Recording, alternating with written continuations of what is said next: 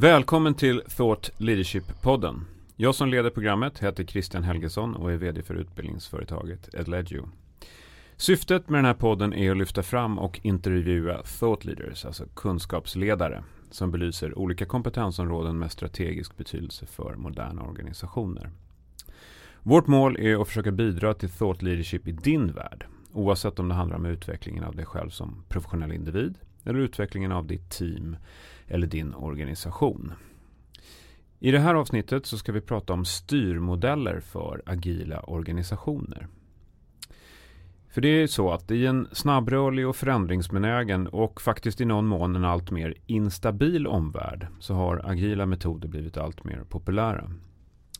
Och vad är då agila arbetsmetoder? Ja, de utmärks bland annat av beslutsmandat som ligger längre ut i organisationen. Eh, av ett inkluderande och iterativt utvecklingsarbete. Av en öppenhet för förändringar längs resans gång och snabba anpassningar. Kundorientering. Och av inre motivation och engagerade medarbetare ett stort förtroende för medarbetarna. Men ett agilt arbetssätt påverkar inte bara den egna arbetsgruppen.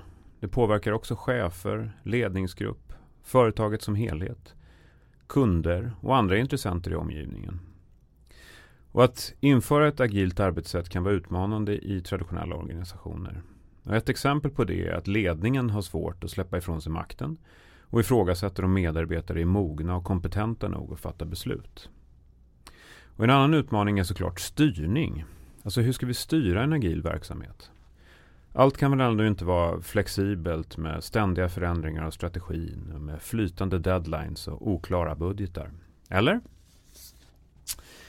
Det ska vi eh, prata om idag. I det här avsnittet ska vi alltså diskutera styrmodeller för agila organisationer. Och idag gästas vi av Anders Persson som är konsult inom områden som digital transformation, förändrings och programledning och som har en bakgrund som CIO. Eh, bland annat från Apoteket. Välkommen Anders. Ja, tack så mycket. Eh, och Steve Berdarski som är konsult med lång erfarenhet av digitala transformationer. Bland annat från telekombranschen, från resebranschen, energibranschen och många andra branscher också för den delen. Välkommen Steve. Tack Christian. Superkul att ha båda er här. Eh, lite inledningsvis. Berätta om er själva. Vilka är ni professionellt? Jag kan börja. Mm. Steve Brdarski eh, jobbar som rådgivare inom transformationsledning, eh, huvudsak då projekt och programledning. Eh, och eh, har jobbat med de här frågeställningarna i över 15 års tid. Eh, väldigt eh, nyfiken och fascinerad av liksom hur man får eh, saker och ting att hänga ihop i organisationen. Därav just det här ämnet om styrmodeller. Mm. Eh, tillsammans med Anders så har vi ett företag ihop också där vi utbildar inom eh, transformationsledning och eh, också gör mätningar i organisationer för att titta på använda effektiviteten av IT. Mm, okay. Anders? Mm, Anders Persson. Eh, jobbar sedan ett par år tillbaka som, som konsult. Eh, senior rådgivare i eh, förändringsfrågor. Eh, mitt förflutet är ju egentligen från IT i huvudsak och eh, som IT-chef och eh, CEO både från Patent och registreringsverket och från Apoteket. Mm. Okay. Jättevälkomna hit som sagt båda två. Superkul att ha er här. Jag inledde avsnittet lite kort om eh, agila arbetsmetoder och vad som utmärker det. Eh, jag skulle vilja att ni berättar lite mer om agila arbetsmetoder. För det, alltså vi pratar ibland om agila metoder och vi pratar om vattenfallsmetoder. Metoder. Och vad är egentligen skillnaden? Mm. Och, och, och, vad är det för någonting? Ja, vi kan väl börja med Vattenfall kanske som, mm. som är eh, en väldigt traditionell ett traditionellt sätt att arbeta på som många, många företag har använt i, i, i många, många år. Om man tar på IT så, så tar man fram sina krav från användare. Man, man, man gör en kravspec, man, man kodar. Eh, programmerarna gör systemtest och sen så gör man en acceptanstest med an användare och eh, så gör man en, en leverans. Och det mm. ofta så tar det ganska lång tid från krav till leverans. Eh, och är det ett större projekt så kan det ju pågå utveckling i ett år eller kanske fler år. Mm. Men om du tittar på agila så är det lite skillnad. Ja, man kan väl säga att agila har väl uppkommit till följd av det här ökade förändringstrycket på organisationen. Drivet dels av globaliseringen, fler aktörer som är uppe och, och slåss om samma kunder och också digitaliseringen som förändrar förutsättningarna med att eh, bedriva sin verksamhet. och det man gör då egentligen är att man kortar de här utvecklingscyklerna om man jämför med, med Vattenfall. Så man kortar utvecklingscyklerna till eh, kanske två, fyra, åtta veckor. Mm. I syfte att kunna liksom agera snabbare på förändringar. Eh, och också jobba med de viktigaste eh, kraven och implementationerna eh, som gäller där och då. För eh, om man tittar tillbaka på vattenfallstiden och den långa implementationstider man hade så händer det grejer under resans gång. Mm. Och det blir, de är rätt omständiga de förändringsprocesserna att få in nya krav i en sån utvecklingsmodell. Då har man kanske redan byggt in sig i någonting och så blir det, får man riva upp andra delar och, för att få plats med nya krav som är mer prioriterade och så vidare. Mm. Så där funkar agilt eh, bra. att man säkerställer att man jobbar med de viktigaste parametrarna hela tiden. Så att en snabb, snabbrörlig omvärld har gjort att vi behöver hitta nya utvecklingsmodeller som är mer flexibla, som är mer lättrörliga för oss så att säga. Ja, mm. precis. Mm. precis. Okay. Eh, och styrmodeller då? Vad, vad lägger vi i det greppet, begreppet? Vad är, vad är det för någonting? Vad menar ni med det? Ja, det är ju eh, hur, hur, du ska jobba från ax till limpa egentligen i din, om vi nu, om vi nu pratar IT, i, förändringsresa när det gäller IT-utveckling. Mm. Eh, det är liksom hur, hur saker och ting går vägar från start till mål. Okay. Så det är ju en beslutsprocess i någon mening där du utgår från eh, eh, företagsledningens eh, målbild med den förändringen. Och eh, också det faktum att eh, förändringar idag slår i regel över flera organisatoriska enheter så att du måste ha en modell som hanterar liksom, påverkan mellan enheter. Eh, och också att ofta så har du då flera förändringsinitiativ på gång samtidigt mm. som driver mot den här gemensamma förändringen. Så du måste ha en modell som klarar av att eh, hantera flera, flera projekt och också flera agila team och också en blandning av eh, Vattenfalls projekt och eh, agila utvecklingsteam. Mm. För det är inte alltid att eh, man har det ena eller det andra utan jag tror där vi är nu med den utveckling som sker på marknaden så, eh, så är det oftast en blandning. Eh, det är inte ovanligt att man råkar ut för det. Det är okay. liksom där vi är just nu. Mm. Okay. Sen pratar ni om, när vi pratar om styrmodeller så pratar ni om eh, tre delar i det. Strategisk styrning, taktisk styrning och operativ styrning. Vad lägger ni i de olika delarna? Berätta. Ja, den strategiska styrningen börjar ju hos företagsledningen eller myndighetsledningen och har ett sikte på kanske ett par års eh, sikt. Då. Alltså, mm. vad, vad vill vi åstadkomma i år och vad vill vi åstadkomma året därpå? Mm. Det började högst upp kring eh, företagsledning helt enkelt. Då. Och sen så går det vidare till taktiska styrningen. Ja, och då får man ju liksom ta den målbilden som man får och bryta ner den i konkreta förändringsinitiativ. Eh, och, och, där liksom varierar tidplanen varierar liksom mellan 6 och 12 månader. om man tittar på var man står någonstans idag. Mm. Och det handlar om att liksom den budgeten som finns fördela ut det Eh, och lite grann rätta matsäcken efter mun. Mm. Så man inte bränner alla pengar på första eh, halvåret och sen så har man inga pengar att göra resterande grejerna. Utan man måste ha en, en uppfattning om hur mycket saker och ting får kosta. Man behöver förstå resursbehovet. Har vi rätt resurser? Har vi rätt kompetenser? Mm. Vilka risker finns det? Hur agerar vi på riskerna liksom på totalen? Och eh, hur följer vi upp risker och, och, och annat? Mm. Okay. Och sen går man till det operativa och det är det dagliga. Alltså härifrån till jul kanske. Mm. Eh, som Eh, jobbar man agilt så är det ju dagliga stå upp-möten, det kan vara veckopulsar, kvartalspuls eh, och, och så vidare. Mm. Blandar du Vattenfall med, eh, med agil utveckling så får du ju anpassa din styrning utifrån eh, det behov som, som finns i de båda olika utvecklingsmetoderna helt enkelt. Mm. Så vi pratar om strategiskt, väldigt långsiktigt perspektiv, ganska övergripande eh, vision och målsättningar. Och sen så har vi taktiskt där vi kommer ner i lite kortare tids eh, horisont och lite mer praktiskt inriktat och operativt väldigt praktiskt inriktat och mm. väldigt, väldigt kort, mm. eh, kort sikt helt enkelt. Eh, och blandar de olika perspektiven. Eh, om man tittar på organisationer idag, både liksom moderna nyskapade men också traditionella bolag. Eh, vad ser ni för utmaningar? Alltså det är många som inför agilt arbetssätt, men vad ser ni för utmaningar när man ska försöka styra det här och leda det här? Mm.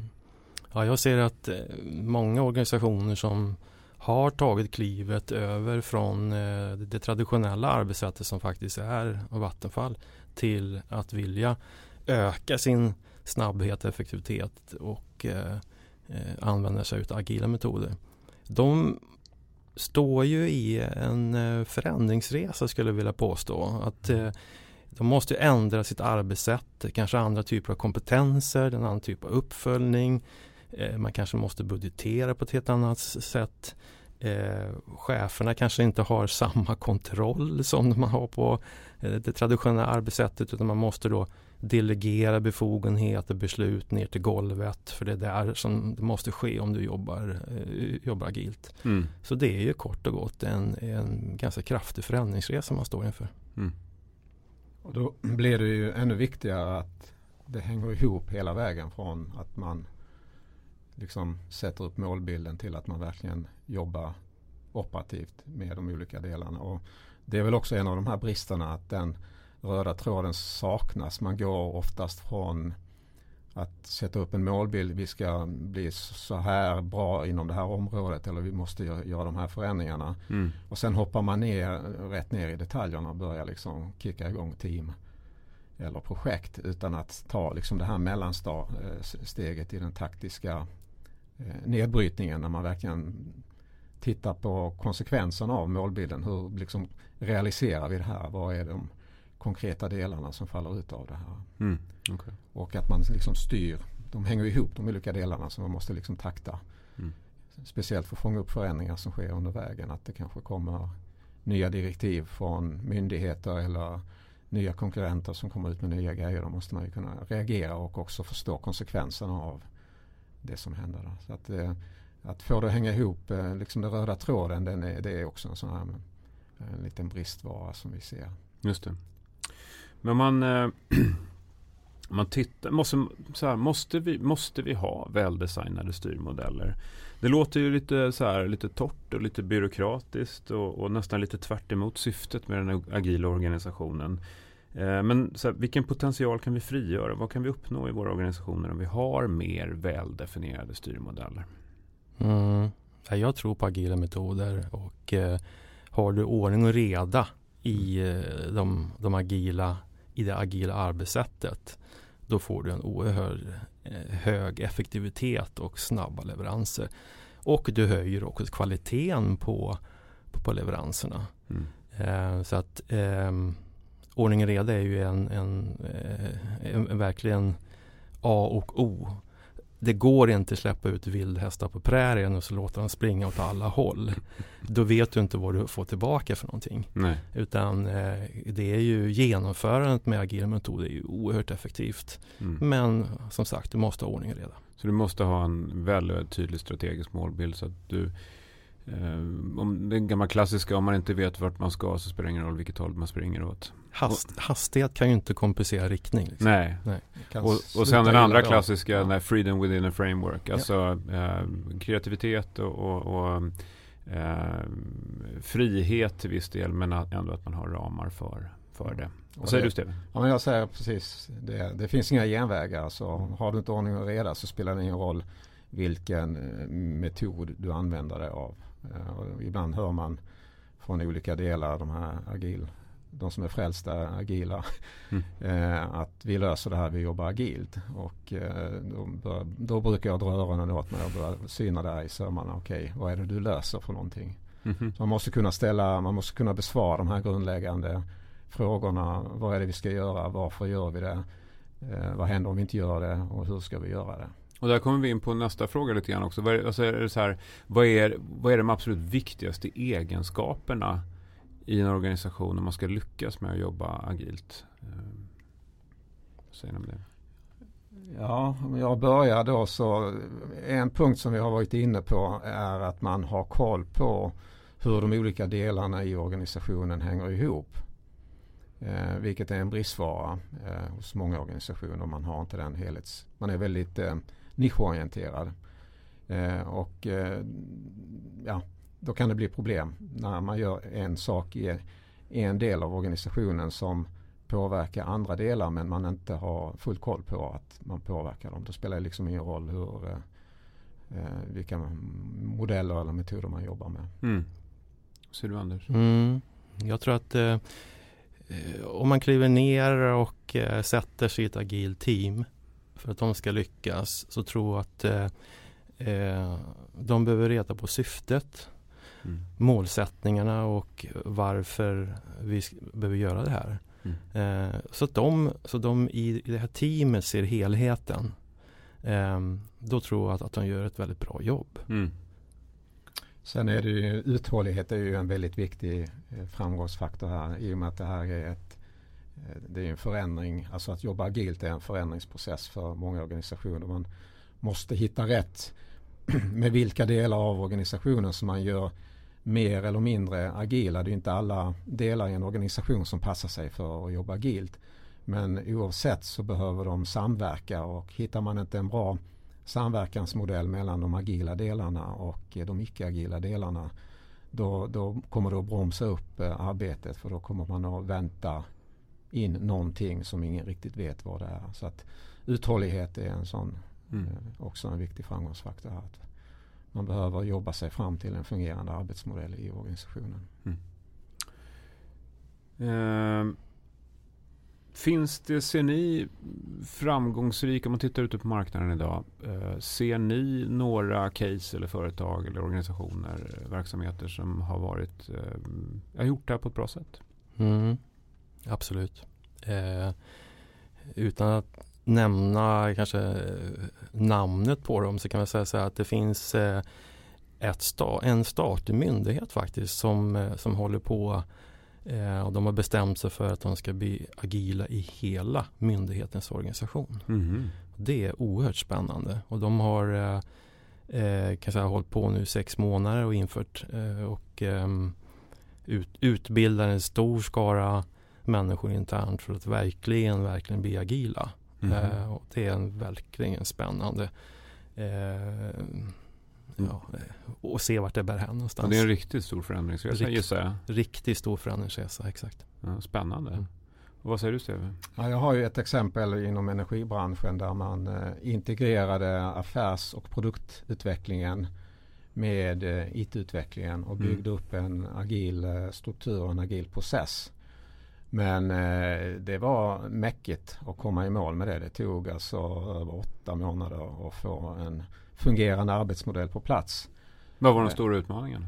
Ja, alltså få de olika delarna att takta ihop. Alltså mm. IT-sidan har ju rätt mycket strukturer och material när det gäller att jobba agilt. Men just att knyta ihop det med verksamhetssidan, produktutvecklingen och affärsutvecklingen. Mm. Och förstå hur man bryter ner, eh, alltså hitta de här Eh, mellanstegen på, och forma dem på ett sätt som passade just det här företaget. Det tar tid, man måste testa sig fram. Men är det så att olika professioner i ett bolag, du sa att ja, IT, ja, oja, oja. IT är mer van, ja. men är det så att affärsutveckling och produktutveckling, att de är mindre vana vid det här? De är mindre vana och har inte samma liksom, bakgrund att jobba med strukturerade processer och metoder som man har på IT-sidan. Okay.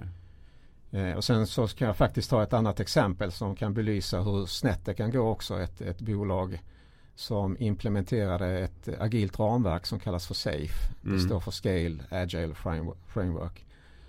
Eh, och eh, de var väldigt lyckosamma i att implementera ramverket på utvecklingssidan. Mm. Men eh, till slut så stängde de ner hela det projektet och fick ta ett steg tillbaka och börja fundera på vad är det vi har gjort egentligen.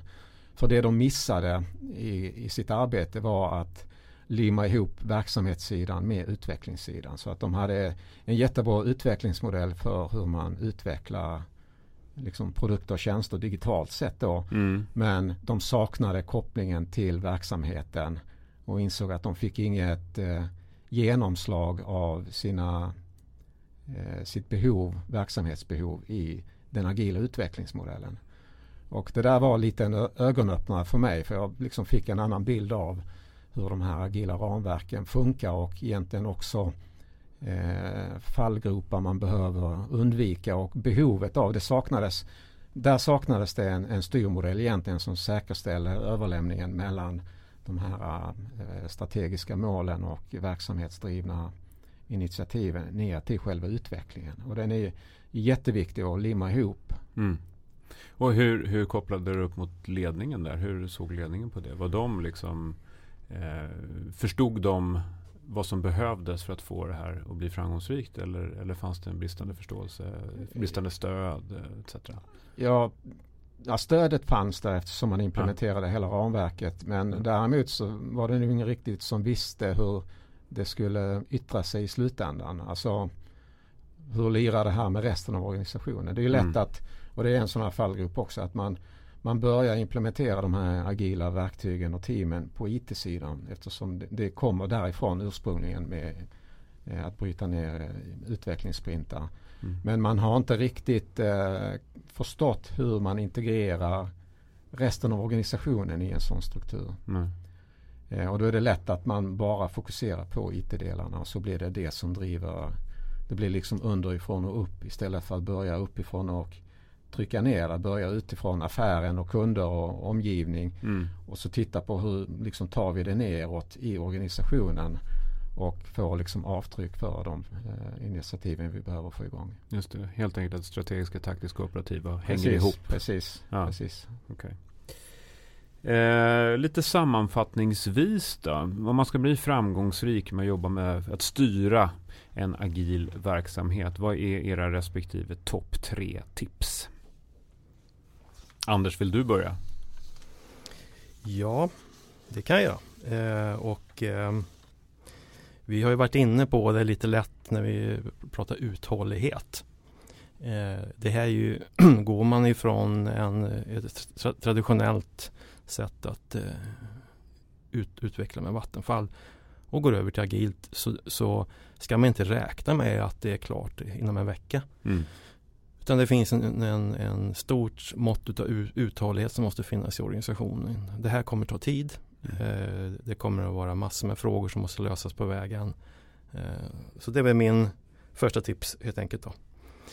Och sen så har vi varit inne på nästan varje exempel här tycker jag att eh, ledningens stöd måste finnas. Mm. Det, det, måste finnas uppifrån. Det, eh, det är där som, som, som beslutet behöver komma. Eh, och eh, du måste ha en, ett gediget stöd genom hela resan. Just det, och det bygger också på en ledningens förståelse för vad som händer i omvärlden, snabba förändringar och så vidare och behovet där för att ha ett, mm. ett agilt och snabbrörligt mm. Eh, utvecklingsarbete.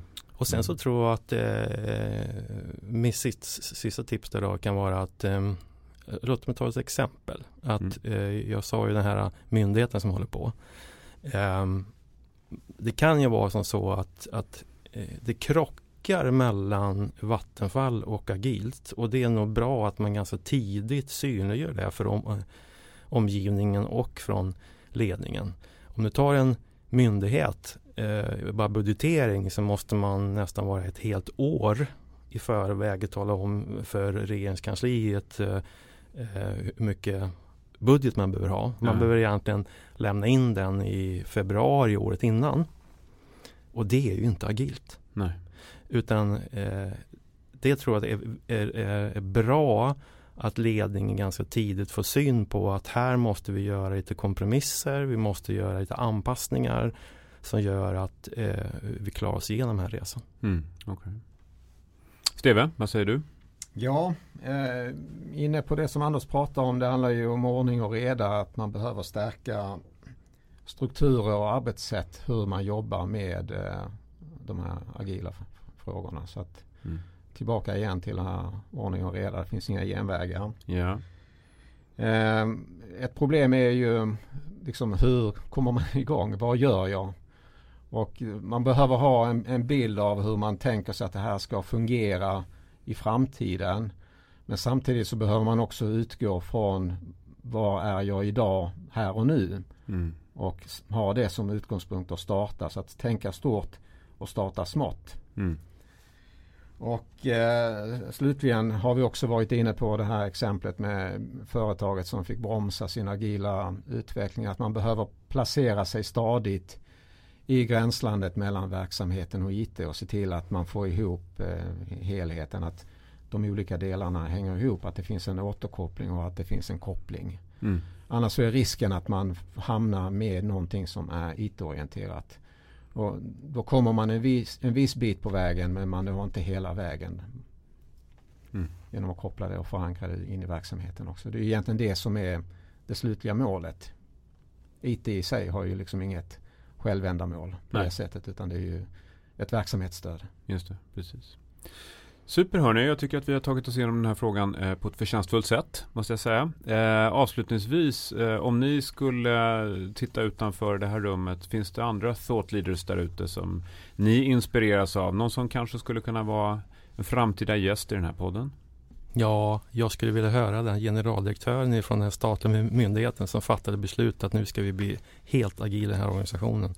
Jag skulle vilja intervjua den personen och eh, eh, eh, krypa under lite grann under, under skinnet. Liksom, hur tänkte den personen och vad är det som, som ska åstadkommas? Det ska vara jättespännande. Anders, nu blir jag väldigt, väldigt nyfiken och det tror jag alla andra också blir. Så att det här får vi ta utanför programmet för, för det ska vi naturligtvis inte nämna här och släppa ut dem, vilka det är. Men vi kan ju se om vi kanske kan eh, lösa det eh, framöver. Vi får se. Men spännande. Det, den personen vill jag också ha hit, känner jag.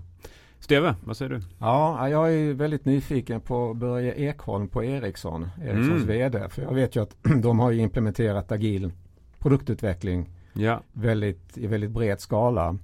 Och de har gjort det samtidigt som Ericsson har genomgått rätt stora förändringar de senaste fem åren. Ja.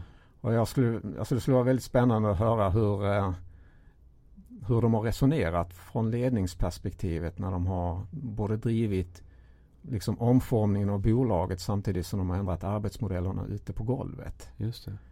Och hur väl det har slagit ut. Vad har, vad har det gett för effekter i slutändan? Det låter superspännande. Ja, så det är ett tips att ringa upp honom här mm, efter, det, efter det ska vi göra ett försök till. Superbra. Bra tips. Eh, stort tack för att ni kom hit och redde ut de här frågorna och inspirerade oss lite grann. Eh, och eh, nu tar vi helg. Mm, det är vi som ska tacka för att vi fick komma. Ja. Tack så mycket. Tack, tack.